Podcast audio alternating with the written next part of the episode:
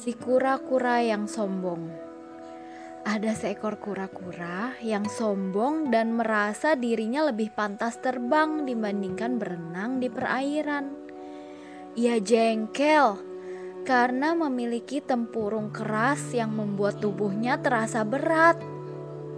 Ia pun kesal melihat kawan-kawannya yang sudah berpuas diri dengan berenang.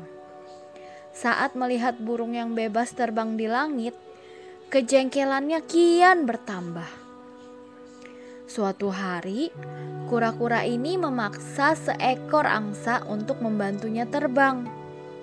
Si angsa setuju.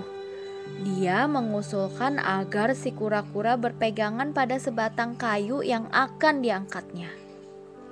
Karena tangan kura-kura agak lemah, ia menggunakan mulutnya yang lebih kuat.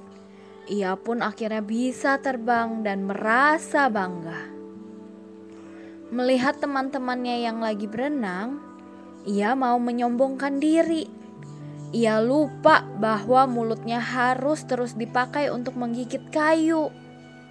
Ia pun terjatuh dengan keras. Beruntung ia selamat berkat tempurung yang pernah dibencinya.